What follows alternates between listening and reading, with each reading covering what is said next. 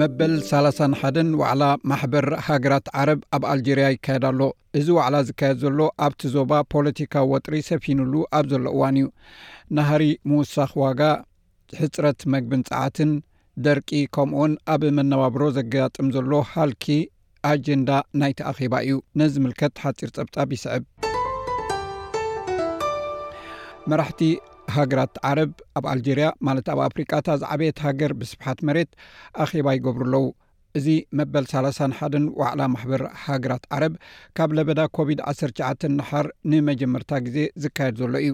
እንተኾነ ግን እቲ ዕስራን ክልተን ኣባላት ዝሓቖፈ ማሕበር ምትእኽኻብ ፖለቲካዊ ውጥረት ኣብ ዝነገሰሉ ይካየድ ምህላዉ ናይ ሓቂ ውፅኢታዊ ክኸውን እንተኾይኑ ኣብ ጥርጣረ ወዲቑ ዘሎ እዩ ሃገራት ዓረብ ኣብ ከም ግጭት እስራኤልን ፍልስጤምን ዞባዊ ግደ ኢራንን ቱርክን ከምኡውን ዳግመ ምሕዳስ ፕረዚደንት ሶርያ ባሻር ኣልኣሳድ ኣብ ዝርከበሉ ሓያለ ጉዳያት ብመትከል ተመቓቒለን ይርከብ ኣልጀርያ እውን ምስ ሞሮኮ ናይ ገዛእ ርእሳ ምፍሕፋሕ ኣለዋ ዋና ፀሓፊ ውድብ ሕቡራት ሃገራት ኣንቶኒ ጉተረዝ ሓድነት ካብ ሎሚ ዝያዳ ኣገዳሲ ኮይኑ ኣይፈልጥን ብምባል ኣብቲ ዋዕላ ተዛሪቡ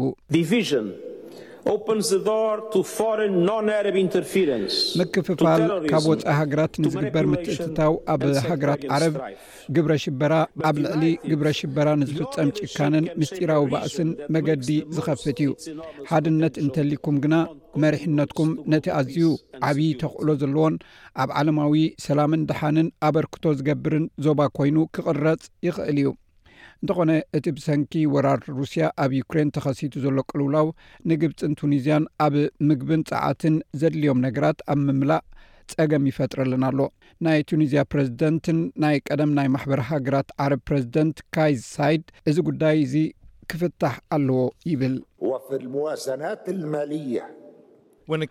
ምስ ናይ ሩስያን ዩክሬንን ውግእ ብዝተሓሓዝ ነቲ ናይ መግብን ጸዓትን ዘስዕቦ ቁጠባዊ ቅልውላው ዘጋድድ እዩ።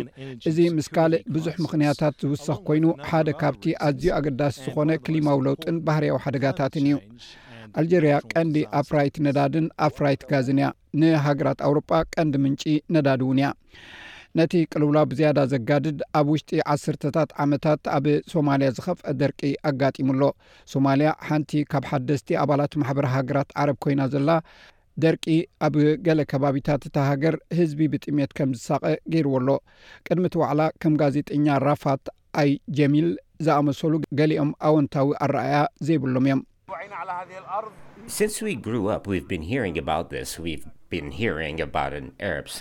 ካብ እንዓቢ ኣትሒዝና ብዛዕባ እዚ ክንሰምዕ ጸኒሕና ኢና። ብዛዕባ ዋዕላ ዓረብ ክንሰምዕ ጸኒሕና ኢና፣ ካብኡ ግን ዝረኣ ጽቡቕ ነገር ኣይረኸብናን። ዋዕላ ዓረብ ሊግ ልክዕ ከም ዝዀነ ካልእ ዓይነት ስፖርታዊ ውድድር እዩ። ከም ዝዀነ ተራ መድረኽ ዋላ ሓንቲ ጽልዋ የብሉን። ንሕና የመናውያን ካብዚ ዋዕላ እዚ ዋላ ሓንቲ ኣይንጽበይን ኢና፣ ብዛዕባኡውን ኣይንጽበይን ኢና። መሓመድ ኣርማን ዝስሙ ዮርዳኖሳዊ ዜጋ ግና ተስፋ ዘለዎ ክኸውን እዩ ዝዛረብ። ኣምላኽ ፍቓዱ እንተ ዀይኑ፣ ብዛዕባ ኣዕራብ መትከልን ውሳነታትን እወታዊ ኣረኣእያ ክህልወና እዩ ዘለዎ። ሓቂ ንምዝራብ፣ እቲ ንሃገራት ዓረብ ንምግልጋል ውሳኔ ዘድልዩ ህሉው ኣህጉራዊ ኵነታትን ፍጻሜታትን፣ ኣወንታዊ ኣረኣያ ክህልወና ኣለዎ። ንፕረዚደንት ዓብደልዓዚዝ ቡተፍሊቃ ካብ ስልጣኑ ዝኣለየ ኣልጀርያ ኣብ 20019 ህዝባዊ ተቓውሞታት ድሕሪ ምግጣሙ ንሓያሉ ዓመታት ኣብ ጉዳያት ዓረብ ድሕሪ ምስሓባ እታ ሃገር ኣኣንጋዲት ሃገር ምዃና እዚ ናይ ሎሚ ዋዕላ ኣገዳሲ ይገብሮ። እታ ኣብ ሰሜን ኣፍሪቃ ትርከብ ሃገር ኣብ ዝሓለፈ ወርሒ ጥቅምቲ ኣብ ግጭት እስራኤልን ፍልስጥኤምን ናይ ዕርቂ ዝርርብ ኣካይዳ ነይራ እያ።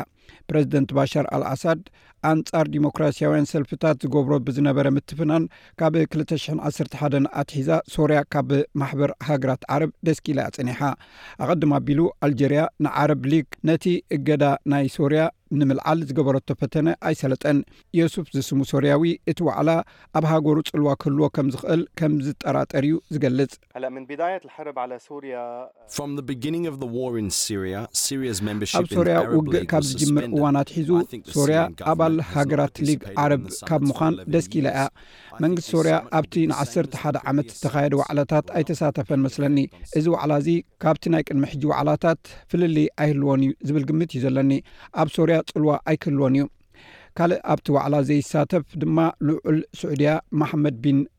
ሳልማን ይርከብዎም። መራሕቲ ኣልጀርያ ሓካይም መሓመድ ቢን ሳልማን ካብ መገሻ ክቑጠቡ ከም ዝተሓበሩ እዮም ዝገልጹ።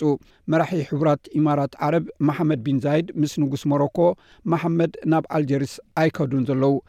ኣብ ሽሕን ትሽዓተ ሚእትን ሰብዓን ሓሙሽተን ሞሮኮ ንምዕራብ ሰሃራ ናብ ግዝኣታ ድሕሪ ምጽንባራ ምስ ምዕራባዊ ሰሃራ ተፈጢሩ ብዝነበረ ቀጻሊ ምስሕሓብ ኣብ መንጎ ኣልጀርያን ሞሮኮን ዘሎ ርክብ ሓርፋፊ ጸኒሑ። እዚ ሬድዮ ኤስቢኤስ ብቋንቋ ትግርኛ ዝፍኖ መደብ እዩ።